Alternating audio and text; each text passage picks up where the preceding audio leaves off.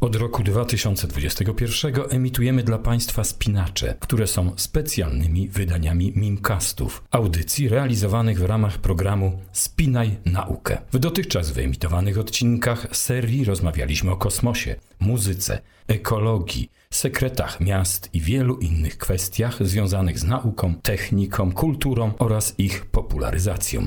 Koordynatorem projektu jest niezmiennie Stowarzyszenie Społeczeństwo i Nauka SPIN. Projekt dofinansowany został ze środków Ministerstwa Edukacji i Nauki, a gospodarzem serii jest Muzeum Inżynierii i Techniki z Krakowa.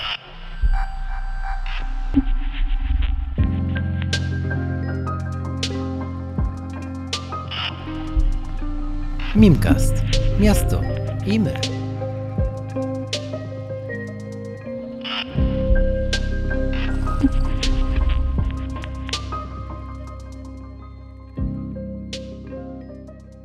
No i po tym krótkim wstępie nie pozostaje mi nic innego, jak zaprosić Państwa do odbycia kolejnej podróży na pokładzie spinacza. A w tym odcinku gościem Państwa i moim jest Wiktor Wiśniewski, dziennikarz motoryzacyjny, pasjonat zajmujący się motoryzacją w bardzo szerokim spektrum. Od historii po najnowsze technologie. Gospodarz kanału 98 Oktanów, publikowanego na YouTubie. Dzień dobry, witaj. Witam bardzo serdecznie Ciebie, Pawle. Dziękuję za zaproszenie. Witam Państwa też po drugiej stronie odbiornika. No i jak się łatwo domyślić, to samochody będą królować w tym wydaniu spinacza. Samochód był praktycznie od swoich narodzin symbolem, ikoną techniki, rozwoju, cywilizacji ale też, szczególnie w naszym obszarze kulturowym, symbolem luksusu. Jeszcze nie tak dawno ludzie dzielili się na tych, co samochód posiadają, i na tych, którzy go nie mają. W latach 70. w Polsce właściciel nawet Fiata 126P był kimś ustawionym w innej kategorii obywatela.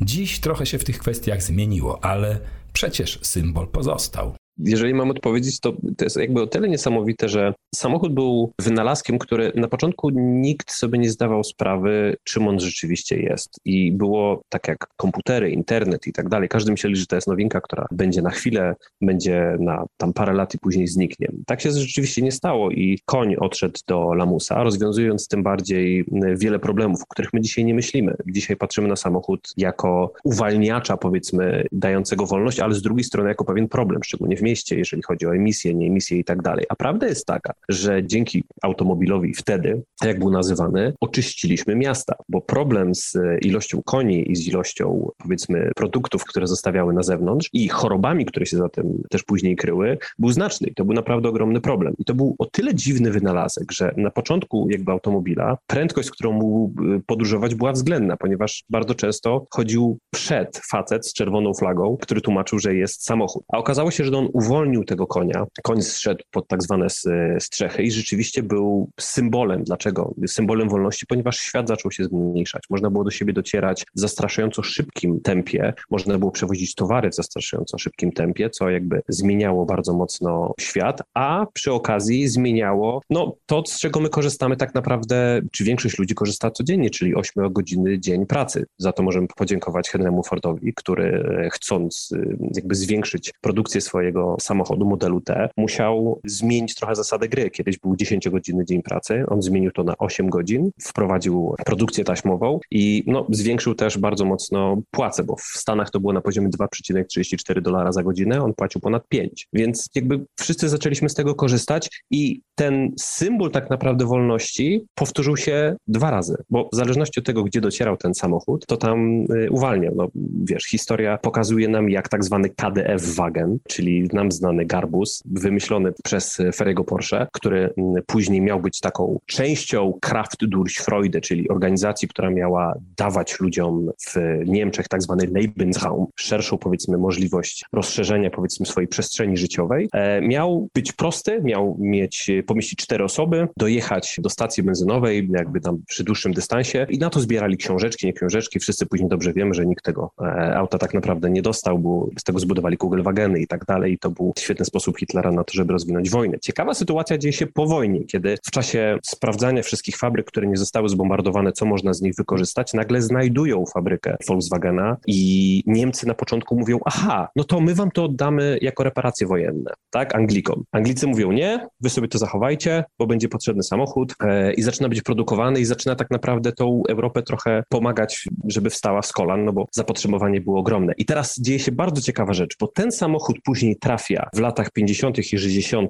do Stanów i samochód, który był symbolem, powiedzmy, nacjonalizmu, nagle staje się symbolem dzieci kwiatu i symbolem wolności i później, tak samo jak później Bulik, tak zwany bus Volkswagena i tak dalej, zmieniając, powiedzmy, w taki dość magiczny sposób tą negatywną konotację tego auta w absolutnie ciekawą. Zresztą komu Volkswagen Garbus kojarzy się źle? No, jasne, no kto może mieć negatywne skojarzenia z małym chrząszczem? Wszystkim kojarzy się bardzo pozytywnie. Więc to, co nam zostało, że teraz jesteśmy wolni, teraz możemy wsiąść samochód i pojechać gdziekolwiek i jakby z, osiągnąć cokolwiek, zawsze był z tym stosem wolności. Pytanie jest takie, gdzie ten samochód będzie za 10, za 15, za 20 lat? No wchodzi elektromobilność, natomiast coraz bardziej większe jest nastawienie, że jednak tych samochodów jest za dużo, powinniśmy podróżować trochę inaczej. Pytanie, jak? Czy na tym odpowiedź będzie tak zwany Hyperloop, czy odpowiedzią na to będzie cokolwiek innego, czy na odpowiedzią na to będą drony, bo coraz więcej pojazdów powstaje na bazie, powiedzmy, drona.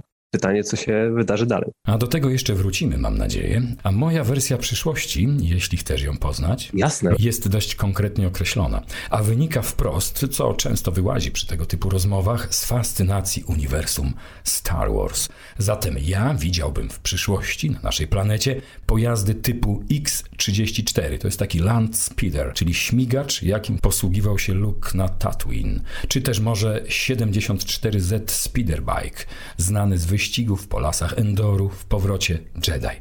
No proszę bardzo, bez tradycyjnego podwozia z kołami, tylko lewitacja. To coś jak poduszka powietrzna lub magnetyczna. Fantazja to być może, ale przecież te drony, które powstają i przy pomocy których można latać całkiem zgrabnie, to już jest nasza rzeczywistość a może przyszłość właśnie. Hollywood podpowiada alternatywę w e, powrocie do przyszłości, e, że możesz jakby zrobić ze swojego samochodu, możesz zrobić tak zwany takiego hovera jakby, prawda, że on może nagle unosić się nad ziemią i słynny wtedy tekst where we going we don't need roads tak sprawdza się fenomenalnie, więc nasz samochód, którym kiedyś jeździliśmy może w przyszłości będzie wyglądał trochę inaczej. E, tam dokąd lecimy nie ma dróg.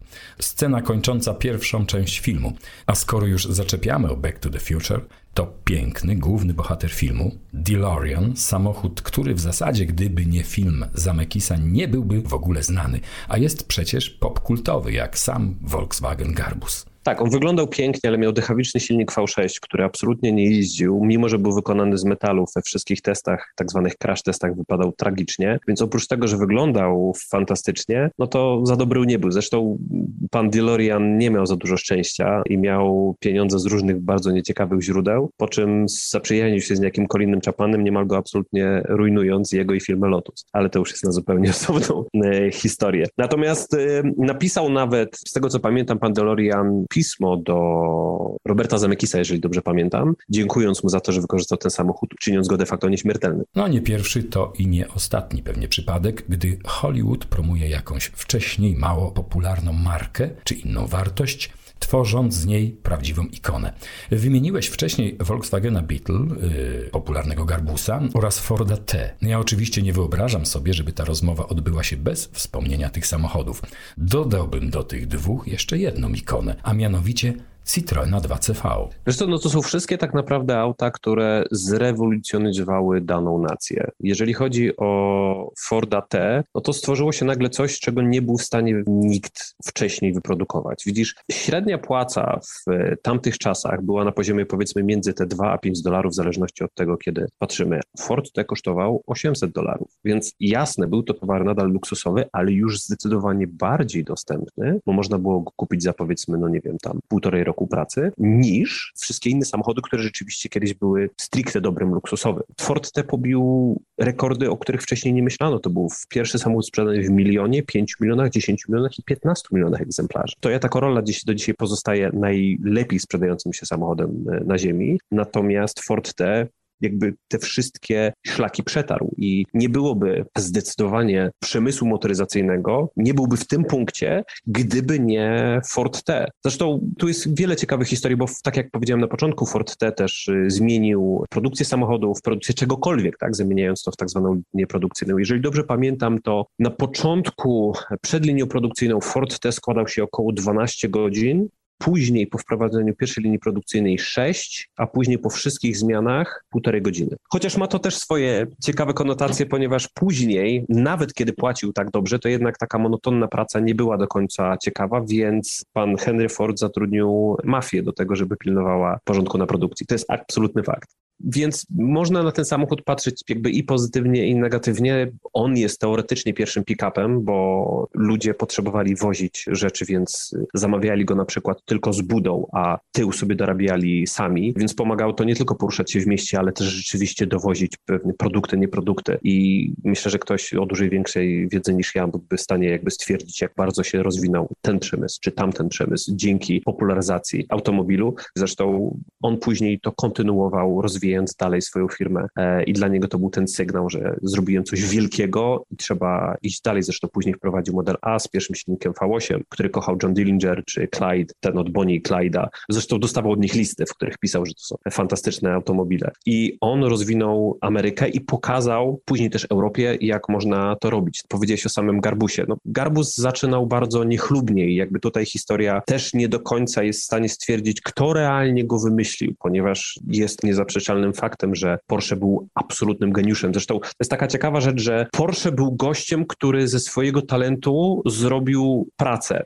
To znaczy, on był zatrudniany przez wiele firm. Był zatrudniany przez e, Auto Union na przykład. On był gościem, który zrobił pierwszą telemetrię. Był w stanie sprawdzić, co auto robi i jak się zachowuje w czasie wyścigu. On był gościem, który wymyślił Garbusa. On był gościem, który później stworzył firmę Porsche. On się wynajmował jako inżynier i on rozwiązywał przeróżne problemy i zazwyczaj jego warunki wcale nie były łatwe, bo oprócz tego, że trzeba było mu zapłacić, trzeba było mu za załatwić miejsce w Radzie Nadzorczej, ale to już abstrahując. I prawda jest taka, i to jest nieciekawsze, że jego pierwsze to dziecko, czyli Garbus, prawdopodobnie, bo powstało tylko kilka sztuk takich czarnych dla dygnitarzy i jakby to nigdy nie trafiło e, do ludzi. Natomiast prawdopodobnie gdyby ktoś zbombardował na przykład tą fabrykę lepiej i nie zostałyby żadne rzeczy, to to Ferry by prawdopodobnie kontynuował później swoją, bo pamiętał wszystko, wiedział chciałby. Może Porsche by wyglądało inaczej, bo sam się zastanawiał, czy silnik rzeczywiście dawać za tylną osią, czy dawać go centralnie. Powstał nawet model z centralnie umieszczonym silnikiem 356. Ktoś mógł zbombardować fabrykę, mogli od tego nie odnaleźć, mogli jakby pozostawić to, nie zainteresować się zupełnie, ale ten Volkswagen dostał drugie życie i to jest najciekawsze, że odmienił kompletnie. Szczerze? No szczerze. Ja nie jestem fanem Garbusa. On dla mnie nigdy nie był czymś super wyjątkowym i nie rozumiałem jego fenomenu. Zawsze fascynował mnie Fiat 500 albo Mini. Nie wiem, może to nasze takie polskie polskie wewnętrzne myślenie, że jednak coś z Reichu to nie do końca fajne. Ciężko mi jest powiedzieć. Natomiast nie da się zaprzeczyć faktowi, że rozwinął się później na cały świat. Stał się ikoną tak naprawdę wolności, jak powiedziałem, ikoną dzieci kwiatów. Później nagle mamy Citroena 2CV, który miał jedną z najdziwniejszych założeń. Mówiłem o założeniach do Garbusa, tak? Założenia były takie, że miał przyjechać z punktu A do punktu B,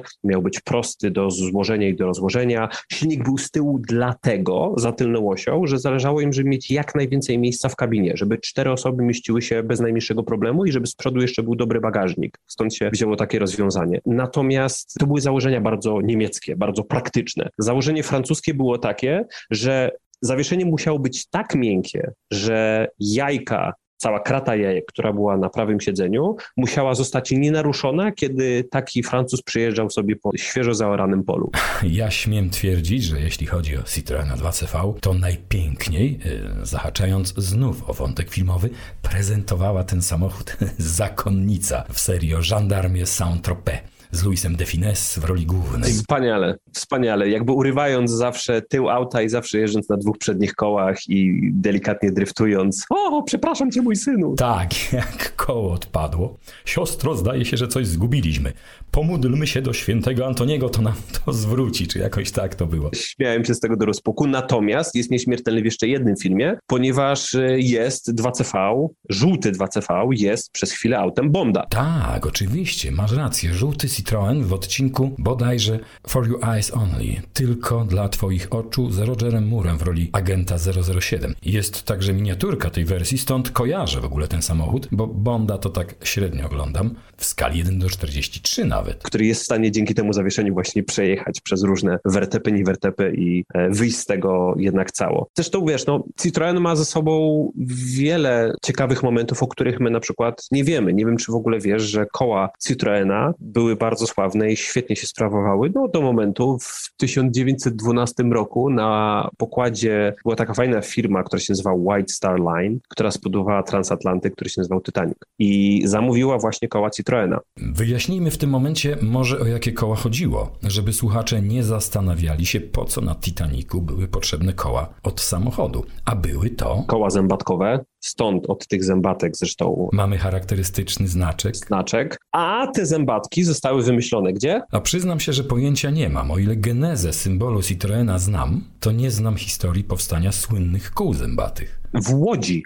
Zębatki zostały wymyślone w Łodzi. No proszę, jaki miły, rodzimy polski akcent we francuskim samochodzie. Jeżeli dobrze pamiętam, André Citroën e, miał matkę. Matka była Polką. Matka zmarła, kiedy on był w miarę jeszcze młody i on często do Polski, do Łodzi przyjeżdżał. Jakby ciągnęło go bardzo w tamtą stronę. I teraz historia nie do końca jest w stanie powiedzieć kto, czy to był jakiś jeden z jego wujków, czy on po prostu był w jakiejś fabryce, jak był już e, takim młodym mężczyzną. I zobaczył tam w Łodzi w fabryce tekstyliów był akurat, ktoś wymyślił sobie takie zębatki i pokazał mu takie rozwiązanie. Były akurat drewniane, no ale pokazał jak bardzo długo potrafią wytrzymać, jak się mniej ścierają. On poprosił, czy może taki patent sobie wziąć. Jasne, tam ustalili jakąś cenę, wrócił do Francji i zaczął produkować. Więc jego zębatki trafiały do biegów, do skrzyń, do silników, dużo wcześniej zanim on zdecydował, że będzie chciał w ogóle produkować yy, samochody. Jak to mówią koło łodzi, słońce wschodzi. Jak się okazuje, nie tylko słońce, ale na przykład rodzi się historia techniki i motoryzacji.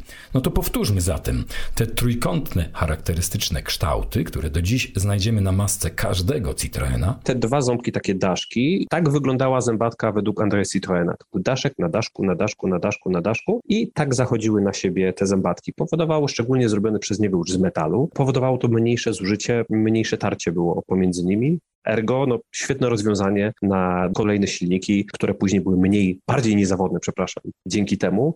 A możemy sobie, powiedzmy się tak delikatnie, poklepać po plecach, że my to mieliśmy już w naszej fabryce tekstyliów w Łodzi dużo, dużo wcześniej. A ja sobie myślę, że teraz każdy, kto nas słucha, gdy spojrzy na maskę każdego napotkanego Citroena, przypomni sobie tę historię, no i o to chodzi. Zdecydowanie tak. A o słynnych markach, konkretnych pojazdach oraz faktach historycznych z nimi związanych moglibyśmy osobny program zrealizować. I to pewnie w odcinkach. Ale teraz będzie temat być może banalny, może nawet szablonowy. Wyobrażasz sobie miasta bez samochodów? Ja nie, dlatego że ja uważam, że to jest utopia. Tak jak utopią jest socjalizm. Wszystko byłoby fajnie, jeżeli wszyscy mieliby równo, każdy by zarabiał równo, każdy byłby na tym samym poziomie i każdy byłby szczęśliwy. Tylko to jest utopia, która jest niemożliwa, bo my jesteśmy od siebie tak bardzo różni. Chwała Bogu, że jesteśmy od siebie różni, bo dzięki temu tak naprawdę żyjemy i dzięki temu jesteśmy tak bardzo rozwiniętą cywilizacją. Dzięki właśnie tej technologii i temu, jak bardzo jesteśmy różni, potrafiliśmy zrobić niewiarygodny skok, powiedzmy, w ostatnim 150 latach. Tak? To jest absolutnie niesamowite, co my byliśmy w stanie e, osiągnąć. Więc co jeżeli mam kogoś, kto chce dojechać do biura,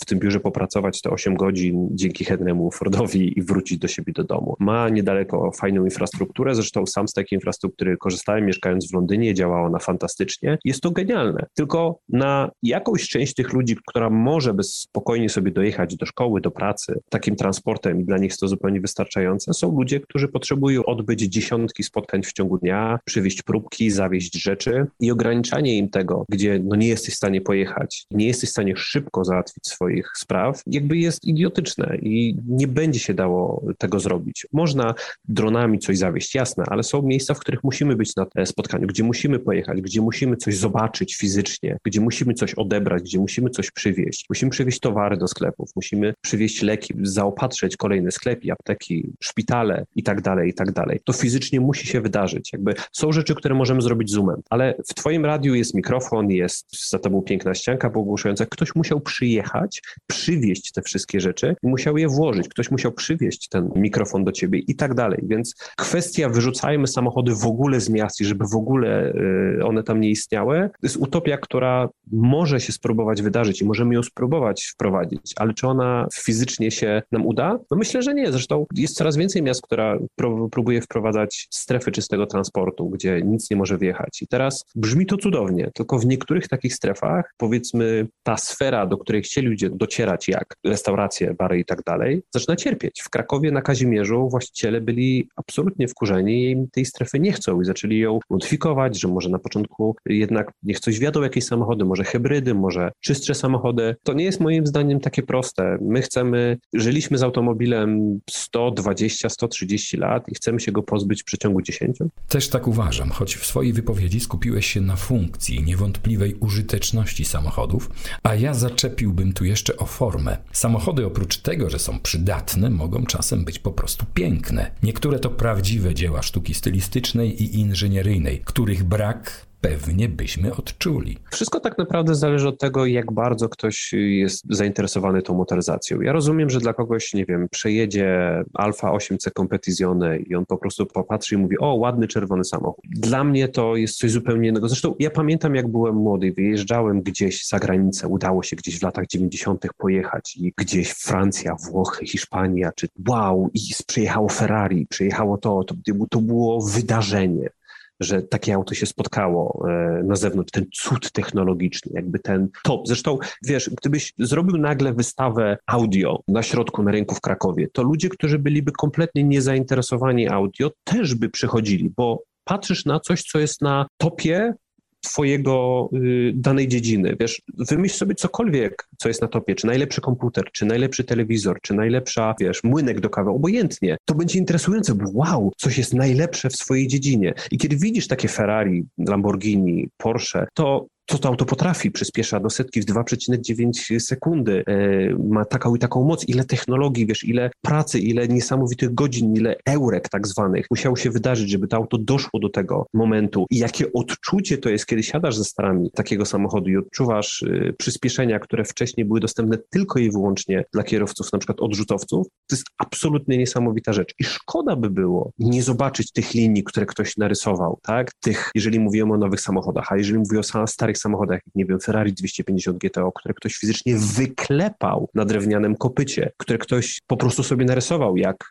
Jaguar Mark II, który został narysowany przez Williama Lyonsa w ogrodzie, bo jemu się podobał kształt. On nie był rysownikiem nawet, on nie był projektantem, on sobie narysował kształt, który mu się podobał, musi, wow, tutaj takie linie, a tutaj takie wybrzuszenia. Dał swoim ludziom, weźcie, zróbcie z tego samochód, nie? I to jest niesamowite do podziwiania. Są samochody, które były inspirowane wyglądem kobiety, na przykład Maserati Gran Turismo, tak? Ich szersze, jakby powiedzmy tylna część, która miała kibić kobiety, powiedzmy, przypominać. Jest masa takich rzeczy, jest masa historii, gdzie ktoś chciał zrobić samochód, nie pozwolili mu, zabronili mu. Lamborghini Miura. Lamborghini Miura była projektem robionym poza kompletnie przez kilku fascynatów, którzy mieli 27 lat. I mamy samochód, który przypomina, jak się otworzy jego drzwi, przypomina jak się zobaczy, popatrzy na niego z przodu, przypomina byka, ponieważ drzwi, jak otworzysz Lamborghini Miurze, są normalne i mają takie jeszcze rożki tutaj. One miały fizycznie przypominać rogi byka. To byłaby strata niesamowita, jeżeli nie można byłoby takiej motoryzacji podziwiać, bo byłby zakaz wjazdu, bo nie wolno, bo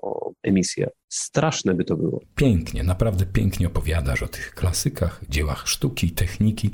Wiesz, ja oczywiście nie miałem okazji spotkać się z większością oryginałów, nie mówiąc już o jeździe. No, na filmach, w programach typu Top Gear albo Grand Tour, ale, ale jest jeden detal. Od lat kolekcjonuję miniaturowe modele w skali 1 do 43 i gdy tak opisujesz, opowiadasz, opowiadasz o tych wspaniałych konstrukcjach, legendarnych projektach, to ja je widzę Mam je przed oczami, bo stoją w gablotach, na półeczkach w miniaturze, ale piękne jak oryginały. Ja uważam, że to jest genialne, bo masz część tej, no wiesz, no oprócz tego, że pojeździsz nim tak, to masz tą część wizualną, możesz popatrzeć na po prostu piękną linię, na jakby ładny samochód. Wiesz, ja kolekcjonowałem też Resoraki od dziecka i kochałem. Mój syn teraz przejął schedę i kocha Hot Wheelsy i ja z nim jeżdżę i wyszukuję Hot Wheelsów i jakby cieszę się, że mogę z nim, wiesz, dzielić tą pasję. Ja pamiętam, że ja miałem chyba 20 Resoraków, to było wow i do dzisiaj pamiętam, jak mi wujek przyniósł, to było Porsche 964, pamiętam, dzisiaj było zielone, ale jak się wrzuciło do wanny ciepłej, to zmieniał kolor. Zmieniał kolor. Wow, tak. to mój ulubiony resorak na świecie. To było niesamowite. Jakby jak później mogłem, wiedziałem, że miałem takiego resoraka, a później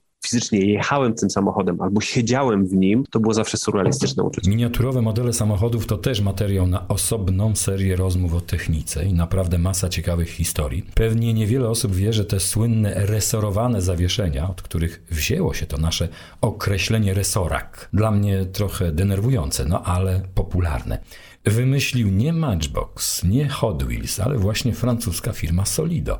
Oni też jako pierwsi na świecie zamontowali w miniaturowych modelach te ruchome elementy, na przykład otwierane drzwiczki w modelu, bagażnik, maskę, ale to tak jak powiedziałem, temat na inne spotkanie. Dobra, no to teraz jeszcze jedna kwestia, zanim przejdziemy do nauki i techniki w motoryzacji. Dawno temu był taki czas, że samochody i nie tylko, na przykład przedmioty codziennego użytku również projektowali artyści.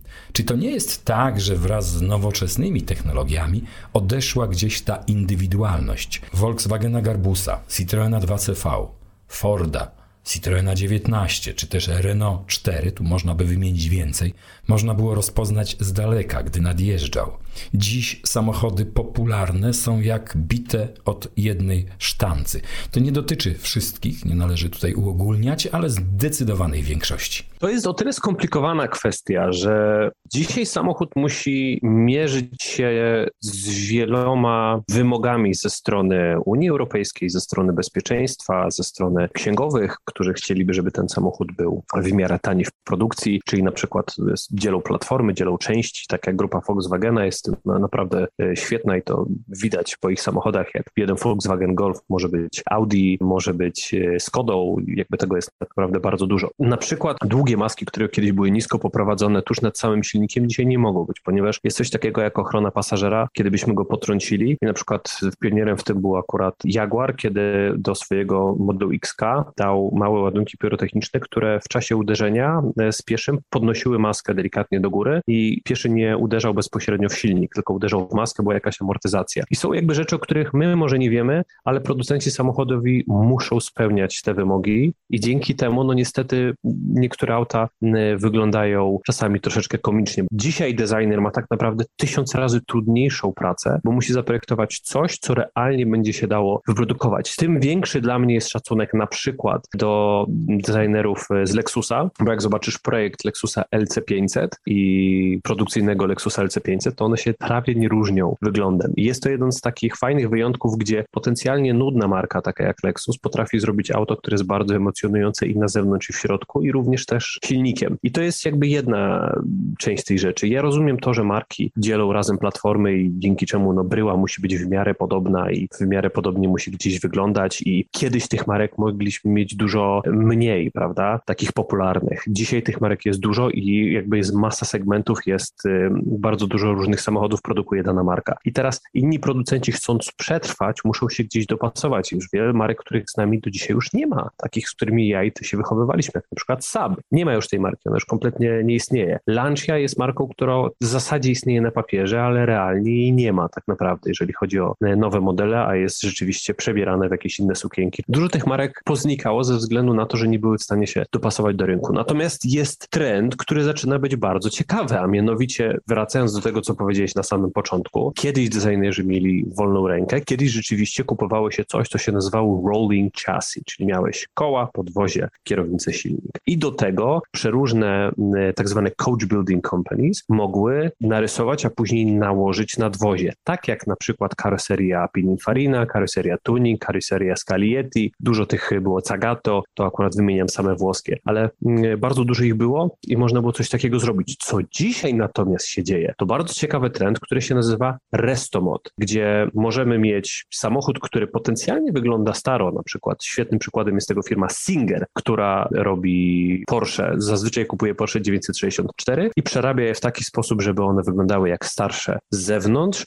ale w środku są napakowane nowszą technologią, nadal korzystają z silnika wolnosącego i jeszcze tak zwanego wiatraka, czyli chłodzonego powietrzem. Kosztuje to oczywiście niebotyczne pieniądze, natomiast y, są firmy Retropower na przykład z Wielkiej Brytanii, które znowu robią coś innego, potrafił wziąć Jaguara XJC, jeżeli dobrze pamiętam, wyrzucić z niego silnik i wrzucić z niego silnik z korwety, ale z zewnątrz zrobić przepiękne nadwozie i o to nadwozie nam e, tak naprawdę chodzi. Więc ten trend takiego, ja myślę, że to będzie taka delikatna przyszłość motoryzacji, gdzie budę i powiedzmy te wszystkie mm, podzespoły dostaniemy gotowe, ale będziemy mogli na nią nałożyć, na tą budę coś ciekawszego, poprosić o jakby nadwozie, które do nas będzie bardziej pasowało, żeby jednak cieszyć się tym pięknym designem. I czemu nie? To będzie bardzo ciekawa rzecz. Na coś takiego wpadł General Motors lata temu, produkując coś na zasadzie deskorolki, gdzie to było powiedzmy takie płyta podłogowa z e, ogniwem paliwowym na wodór, gdzie na tą płytę podłogową mogłeś nałożyć dowolne nadwozie. Plusy były tego takie, że de facto nie musiałeś mieć prócz światłowodów nic. Jakby kierownica była na światłowodzie, pedały były na światłowodzie, mogłeś to przesuwać z lewa na prawo, więc nie było problemu, po której stronie jezdni chcesz jechać. Chcesz sportowe kupę? Proszę bardzo. Chcesz cokolwiek? Absolutnie genialny pomysł. Świat jednak nie chciał iść w wodór, poszedł w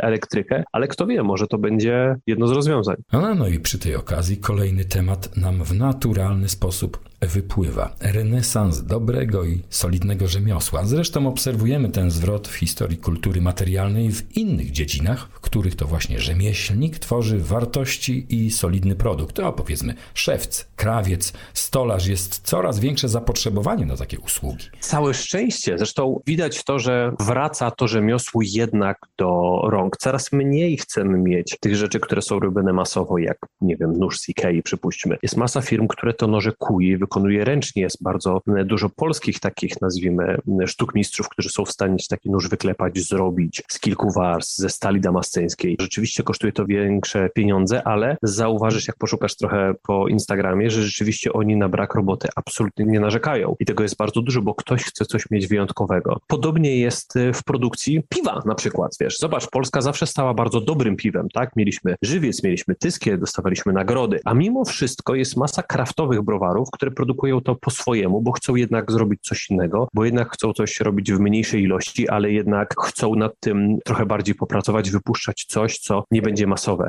Zobacz, jak się rozwinęło, mówię tutaj na razie o męskich samych rzeczach, ale zobacz, jak się rozwinęli barberzy na przykład. Kiedyś to była pani Jadzia, która strzygła głównie kobiety, no ale jak coś, to mężczyzna od garnka też może, tak? Kiedyś tak to wyglądało. Dzisiaj na każdej ulicy masz jakiegoś barbera i oni jednak starają się z tego zrobić jakąś formę sztuki. Tu wygolić, tutaj brzydko brzytwą, tu żyletką, tu tym, tu tamtym, taki kat, taki kat, jednak chcą doszkalać się, chcą podnosić swoje kwalifikacje i to jest fantastyczne. Za granicą coraz częściej słyszy się o produkcji ginu, który jest kraftowy, czy whisky, która na przykład będzie kraftowa, że jednak chcą, żeby to było robione ręcznie. Ta ręczna robota była z nami od zawsze, od kiedy my byliśmy, pojawiliśmy się na tej e, w ogóle ziemi. Musieliśmy ręcznie wydłubać sobie narzędzia, ręcznie zrobić ubranie, ręcznie zapolować, ręcznie wziąć tą ziemię gdzieś tam ukopać i zobacz, że nasi dziadkowie byli przyzwyczajeni do pracy ciągłej. Oni musieli coś robić, bo kiedyś nie było wyboru, kiedyś trzeba było zapracować. Nie dało się po prostu pójść do sklepu, zadzwonić do restauracji w Polsce i kupić sobie obiad, musiałeś go zrobić. I ci ludzie zazwyczaj dłużej żyją, bo oni cały czas mieli w głowie pracę. Trzeba pracować, trzeba cały czas coś robić. I jest to rzemiosło nam, moim zdaniem, bardzo bliskie i kto z nas nie lubi uszytych, wiesz, butów, czy uszytego garnituru? Ach, zrobione to jest dla mnie na miarę. Ach, dla mnie to jest specjalnie zrobione. Ja mam pasek na przykład, który jest zrobiony specjalnie dla mnie. Jest klamra, jest taki facet, który wyszukuje przeróżne dziwne klamry na całym świecie, ale sam pasek już zrobi sam i dopasowuje do mnie i mam na nim napisany Wiktor Wiśniewski i, wiesz, bzdura totalna, ale to jest mój pasek, tak? I ja go mam już półtorej roku i wygląda jakbym miał go półtorej tygodnia. To jest fantastyczne więc myślę, że w tą stronę rzemiosła będziemy szli, bo mamy gdzieś tęsknotę jakby za tym. Trochę się przejadamy tymi tekstyliami, które się pojawiły. Zresztą zawsze jest tak, jak sobie poczytasz historię tekstyliów, poliestru i temu podobnych, to był moment, kiedy był absolutny zachwyt tym, ponieważ to było tworzywo, które można było bardzo łatwo barwić. Powstawały w latach 50., 60., przecież były, wiesz, poliestrowe koszule, spodnie, niespodnie i tak dalej. Wow, co jest dzisiaj?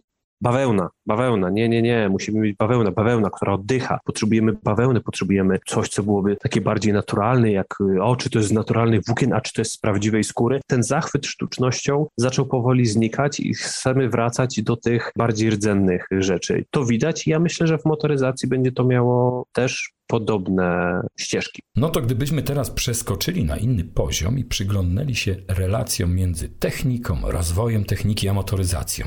Motoryzacja stanowi taką forpocztę cywilizacji. Patrząc na samochody, można z dużym prawdopodobieństwem określić epokę.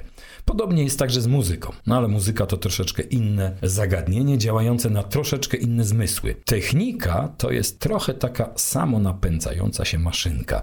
Każde nowe rozwiązanie tworzy nowe możliwości, które inspirują do poszukiwań kolejnych rozwiązań.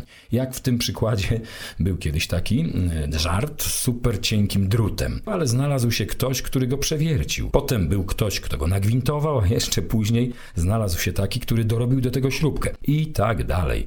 Postęp tworzy postęp.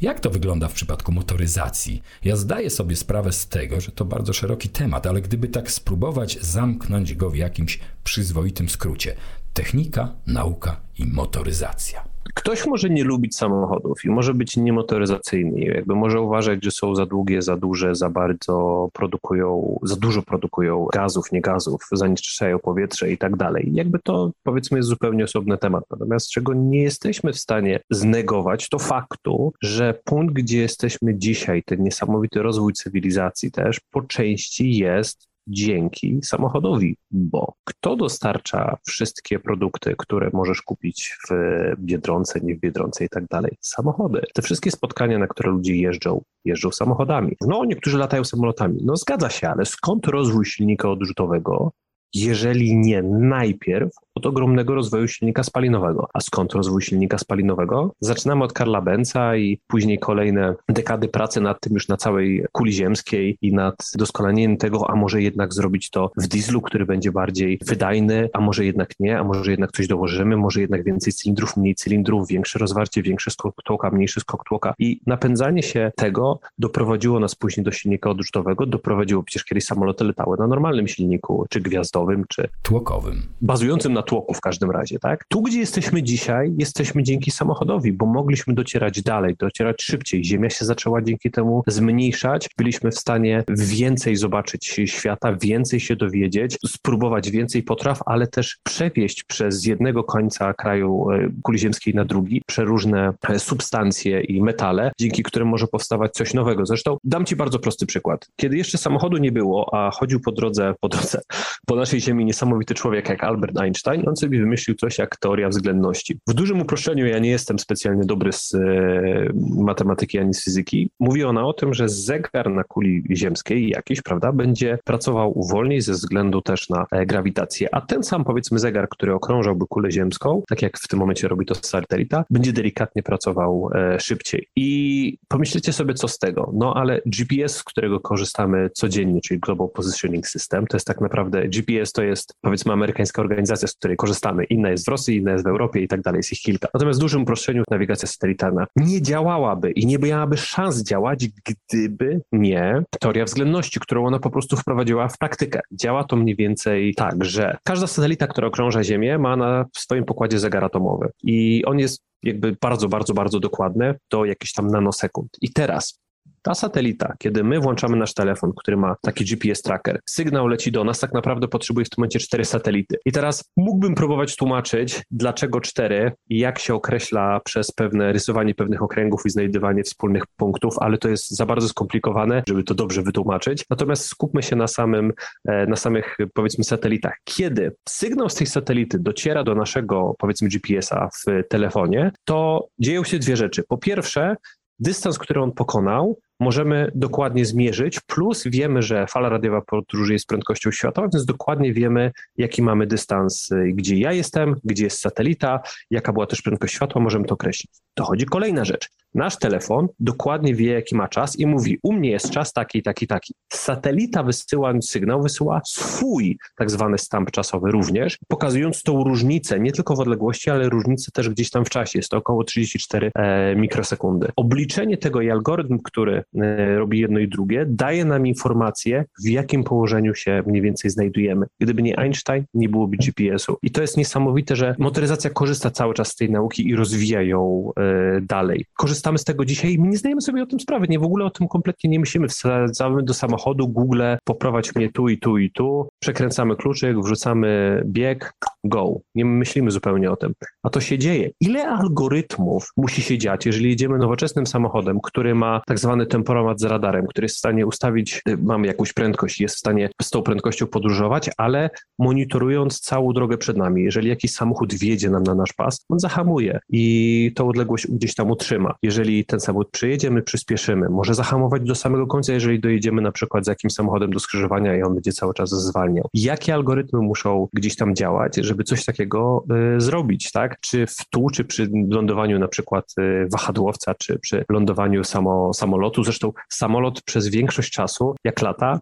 lata na autopilocie tak zwanym. Oczywiście przy lądowaniu i przy e, poderwaniu się do tam 10-15 tysięcy metrów e, czy tam stóp e, leci pilot, natomiast reszta to już jest autopilot. I to jest niesamowite. I gdybyśmy nie mieli, wiesz, potrzeba matką wynalazków, gdybyśmy nie mieli tych możliwości, gdybyśmy nie myśleli, aha, muszę polecieć szybciej, muszę pojechać dalej, muszę pojechać wygodniej, tak, nie chcę operować tutaj skrzynią biegów, fajnie by było wrzucić i żeby się te biegi same zmieniały. I te wszystkie pomysły, na które wpadamy, na które wpadali geniusze motoryzacji przez wszystkie lata, my jesteśmy ich beneficjentami. No nie uważasz, że to bezkrytyczne, takie bezrefleksyjne zaufanie technologii może kiedyś wyprowadzić nas w pole? To całkiem niedługo, że ten kijek ma tradycyjnie dwa końce i na jednym jest ta przeogromna wartość, która daje coraz lepsze rozwiązania w technice, ale z drugiej strony może się czasem zdarzyć, tak jak w tym żarcie, który ktoś kiedyś opublikował przy okazji właśnie rozważań o przyszłości, na przykład motoryzacji, komputeryzacji, o tym panowaniu komputera nad człowiekiem. Historia polega na tym, że jedziemy samochodem i nagle na wyświetlaczu komputera odczytujemy komunikat.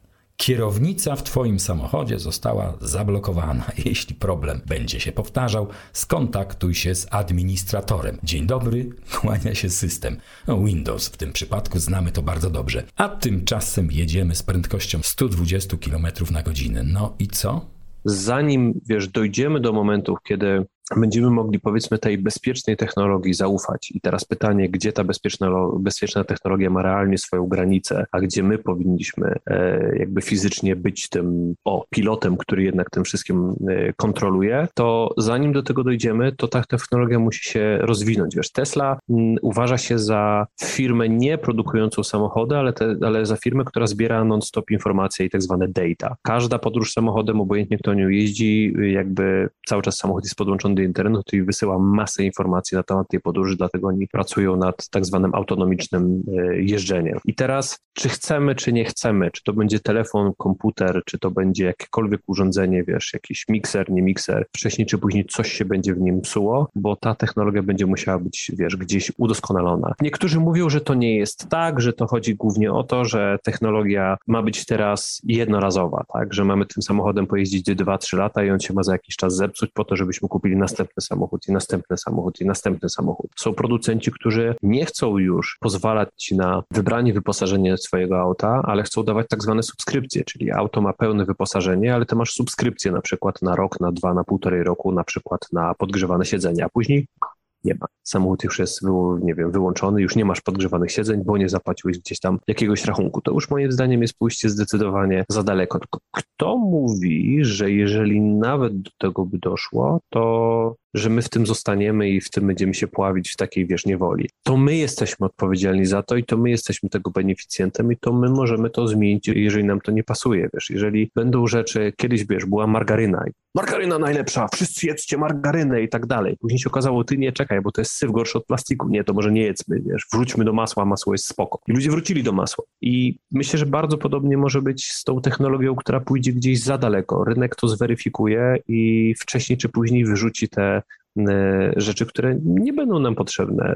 Ja dzisiaj uważam, że przeekranowanie samochodu jest idiotycznym pomysłem, bo jeżeli będziesz, wiesz, kiedyś miałeś prosto, przycisk odpowiadał za konkretną funkcję, tak? Mógł mieć na przykład, nie wiem, moc, tak, że możemy mieć, nie wiem, mocne grzanie, mniej mocne grzanie i tak dalej. Mógł mieć tam dwie albo trzy funkcje. To było proste, naciskałeś tyle. Po jakimś czasie to było na tyle proste, intuicyjne, że mogłeś nacisnąć, coś nie, nie patrzyłeś w ogóle, cały czas patrzyłeś na drogę. Teraz masz menu, w którym jest podmenu i musisz wejść, a tutaj są jakieś opcje, a wybierz sobie 13 milionów kolorów podświetlenia kierownicy, a tutaj jeżeli chcesz, to tego jest za dużo moim zdaniem i to już jest trochę bezsens, bezsensowne, ale rynek to swoje, w swoim czasie zweryfikuje i jakby cofną się z czymś, zaczną moim zdaniem wracać do bardziej y, rozwiązań, które są fajniejsze. Zresztą, jeżeli masz nawet firmę, którą lubisz, nie wiem, obojętnie co to jest, niech będzie Volkswagen, wyprodukuje samochód, który będziesz, którego będziesz niezadowolony i spadnie im e, sprzedaż, no to czy będą kontynuować to dalej? Myślę, że nie. Ale wiesz, to trochę smutne jest i dokładnie o tym samym sobie pomyślałem. No bo ja pamiętam czasy, gdy resurs, gwarancja, jeśli wygasły, nie oznaczały śmierci, takiej definitywnej śmierci przedmiotu, którego dotyczyły. Dziś po prostu nie opłaca się produkować trwałych samochodów, zresztą nie tylko samochodów, ale wiesz, gdzie tutaj czai się niebezpieczeństwo? bo idąc tym tropem nie mamy szans na stworzenie następców, na Mercedesa W123 czy Peugeota 404 czy innego trwałego pojazdu. Wiesz co? Ja mam sąsiada, który ma takiego Mercedesa W123 rocznik chyba 1980 z ogromnym przebiegiem, ale ten samochód, zadbany oczywiście, to jest igiełka. Tam nie ma plamki rdzy, nie ma żadnych wycieków. To auto przeżyło wiele lat i pewnie jeszcze przeżyje wiele innych, zdecydowanie młodszych, takich samochodów, a nie mówimy tu o superautach, ale o popularnych, stworzonych dla zwykłych użytkowników. Takich aut już nie będzie. No przykre to jest, szczególnie z perspektywy pasjonatów, zwłaszcza, że podobno produkcja samochodów z tradycyjnymi silnikami spalinowymi też ma być ograniczona. No to co, Ferrari na prąd? To jest, powiem ci, jakby to jest smutne. Ja sobie powiedzmy gdzieś tam roszczę taką spokój, czy może nadzieję w tym, że rynek tych restomodów się rozwija i wiesz, klasyki mają swoje ogromne plusy, mają też swoje bolączki, wiesz. Jedzisz tym co jakiś czas, co się może zepsuć, albo kierownicę, wiesz, możesz jechać tak i on ledwo w ogóle skręca, albo hamuje tak, jakby zamiast hamulców były, wiesz, kapsle od frugo i jakby to jest wiele takich rzeczy, które są powiedzmy gdzieś tam niefajne. Natomiast ta restomod może to zupełnie zupełnie zmienić. Ja nie jestem osobiście za tym pędem, który mówi, że wymieniajmy wszystkie samochody na samochody elektryczne, bo to muszą być teraz samochody elektryczne i produkujmy je, bo wszystkie spalinowe są złe. Ekonomicznie i ekologicznie to jest idiotyczny pomysł, bo żeby wyprodukować samochód elektryczny teraz, no trzeba energii i tą energię skądś trzeba wziąć. Musi być fabryka, muszą być materiały, muszą być e, metale, nie metale i to może zacznijmy najpierw inwestować w tak zwany recykling tych wszystkich rzeczy, żeby on dobrze funkcjonował i żebyśmy nie wyciągali z ziemi kolejnych metali, kolejnych ród, nie budowali kolejnych kopalni, e, żeby coś budować. Ja ci powiem taką śmieszną e, historię, o której się niedawno dowiedziałem, że Emiraty Arabskie są ogromnym importerem piasku. Piasek, który jest im potrzebny do budowy, nie nadaje się z Sahary, bo jest za miękki, on w ogóle się nie nadaje do budowy, więc muszą importować go z zewnątrz. Przez co zaczęły się pojawiać tak zwane piaskowe mafie, które wydobywały ten piasek nielegalnie i nielegalnie go wysyłały. Wiesz, w ogóle kto byś pomyślał, piaskowa mafia, no brzmi to po prostu komicznie, tak? Ale zapotrzebowanie, które jest napędzone tym wszystkim, ma jakby, wiesz, swoje, a raczej nie ma tych swoich granic i potrzebuje coraz więcej i chłonie. I to samo jest ze zmuszaniem ludzi do tego, że musi musicie teraz przyjść na elektryczność, musicie mieć samochody elektryczne, ale przecież ktoś musi je wyprodukować. Ktoś musi kupić baterie litowo-jonowe, ktoś musi e, jakby ten lit wykopać, później zamienić go w tak zwany żel, później zamienić go w baterię. A co z tymi bateriami później? Mało tego, skąd weźmiemy odpowiednią ilość energii elektrycznej? Przecież już mamy problem z energią elektryczną, już jej koszty wyskoczyły w, e, tak naprawdę w kosmos i nawet w Kalifornii e, zaczynają wprowadzać, gdzie to jest stan, który kiedyś był stanem wolności, a teraz jest stanem raczej niewolności, a raczej niewolnictwa, gdzie mają idiotyczne reguły, jeżeli chodzi o samochody. E, zmuszają ludzi do tego, żeby kupowali elektryki, a później proszą i absolutnie nie żartuję, czy możecie ich nie ładować, bo grozi to blackoutem tak zwanym, tak? Będą musieli wyłączać energię. Krytynizm kompletny. I wszyscy mi mówią, no, ale bo to jest auto bezemisyjne. Nie, to nie jest auto bezemisyjne, to jest po prostu samochód, a raczej powiedzmy wynalazek, który tą emisję przynosi gdzie indziej. Bo to, że on sam nie produkuje jakichś tam gazów cieplarnianych czy CO2, no to raz, że wyprodukował je podczas y, produkcji tego samochodu, a dwa, że skądś musi tą energię wziąć. A skąd się bierze ta energia? A no właśnie, to jest też problem, z którym kiedyś będziemy się musieli zmierzyć. Czyli co? Kochajmy samochody, cieszmy się ich obecnością i wrażeniami z radosnej, niczym niezakłóconej jazdy, kontemplując przy okazji dobre rzemiosło, póki jeszcze są. Widzisz, wracając trochę do tego rzemiosła, bardzo dużo ludzi patrzy na samochody jako po prostu narzędzie, które musicie wziąć z punktu A do punktu B, a to nie do końca tak jest. Wiesz, jeżeli miałbyś pracować w biurze i jechać z domu do tego biura i z powrotem i możesz to robić rowerem albo tramwajem albo autobusem i to ci w zupełności wystarczy, super, ale kiedy musisz odbyć 34 spotkania plus pojechać na drugi dzień, wiesz, do Katowic, następnego dnia do Łodzi, a później jeszcze wziąć, zawieźć dziecko, zrobić zakupy i tak dalej, to najwygodniejszą formą podróży tak czy owak jest samochód. Tylko ludzie o tym zapominają, że to jest tylko gdzieś tam jakieś narzędzie, ale to nie jest. Wiesz, dla nas, którzy kochają samochody, jest to forma jakiejś ekspresji, ale jest to forma też rzemiosła. Wiesz, widział ktoś kiedyś chłopaka, który gdzieś tam driftuje i tak dalej, patrzymy, no co za kretyn. Bo to jest głośne, jest smród, opony, ale kiedy to robisz i kiedy wprowadzasz auto w tak zwany kontrolowany poślizg, to w środku to jest jak balet. Czujesz to auto, jak się ślizga, ono do ciebie mówi i jakby przez układ kierowniczy, jeżeli jest na przykład hydrauliczny, czujesz mniej więcej, ile potrzebujesz założyć kontry, czujesz, ile powinieneś jeszcze dać gazu, żeby auto się wychyliło albo przestało się gdzieś tam e, wychylać i nauczenie się, wiesz, tej koordynacji jest, wiesz, trochę jak latanie helikopterem, gdzie musisz skoordynować wiele rzeczy gdzieś tam naraz, żeby to auto balansowało, kiedy wchodzisz na przykład w fajny zakręt gdzieś na bocznej drodze czy na torze i wprowadzasz go gdzieś tam bokiem i przecinasz idealnie tą linię i wychodzisz ładnie, to jest jak balet, a nawet jeżeli nie robisz tego, a jeździsz gdzieś tam sportowo i masz idealną linię, gdzie wchodzisz wierzchołek zakrętu i pozwalasz, żeby siła środkowa wyciągnęła cię do lewej czy do prawej strony i później z powrotem wracasz i jakby to jest trochę tak jaka jazda bobslejem. Zdarzyło mi się to raz, kiedy jechałem Ferrari 458 Italia po przełęczach w Szwajcarii. Ten rytm był trochę jak metronom, wiesz, jak gdzie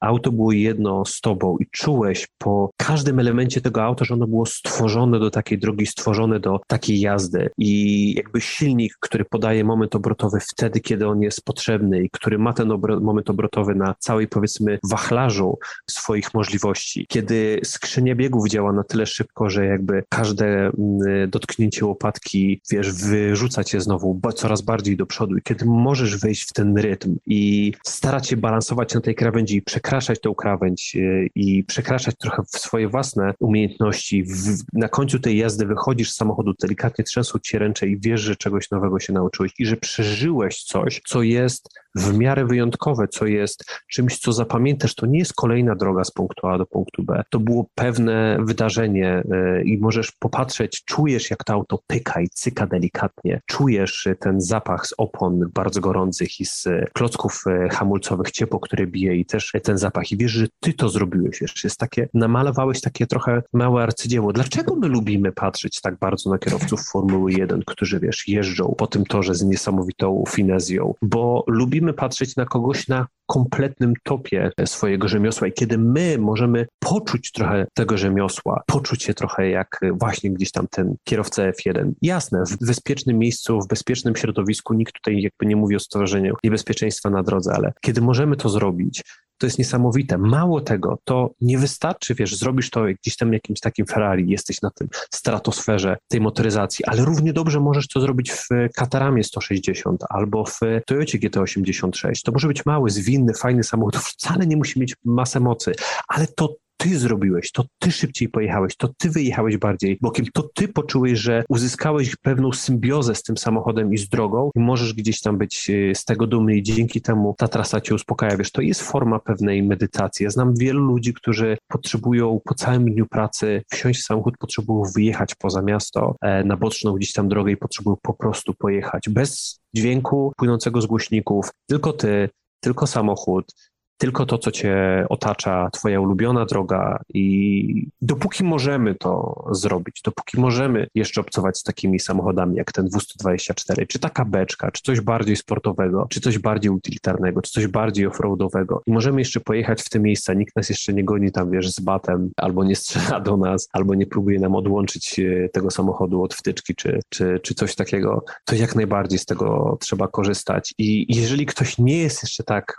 strasznie zajawiony, niech może najpierw spróbuje, niech spróbuje pojechać kiedyś na tor, niech spróbuje wziąć sobie jakiś taki, wiesz, autoprezent, cokolwiek i spróbować i zasmakować tego czegoś innego, wiesz. Patrzymy na aktorów na ekranie i myślimy, oh, fajniej byłoby go kiedyś spotkać. W przypadku motoryzacji możemy. Możemy podejść, możemy zobaczyć, możemy dotknąć, a możemy kupić możliwość przejechania się takim autem i zasmakować na chwilę tej stratosfery. Ja uważam, że to jest przepiękne. Przepiękne, jeśli mogę tak powiedzieć, zapięcie kolejnego wydania Spinacza.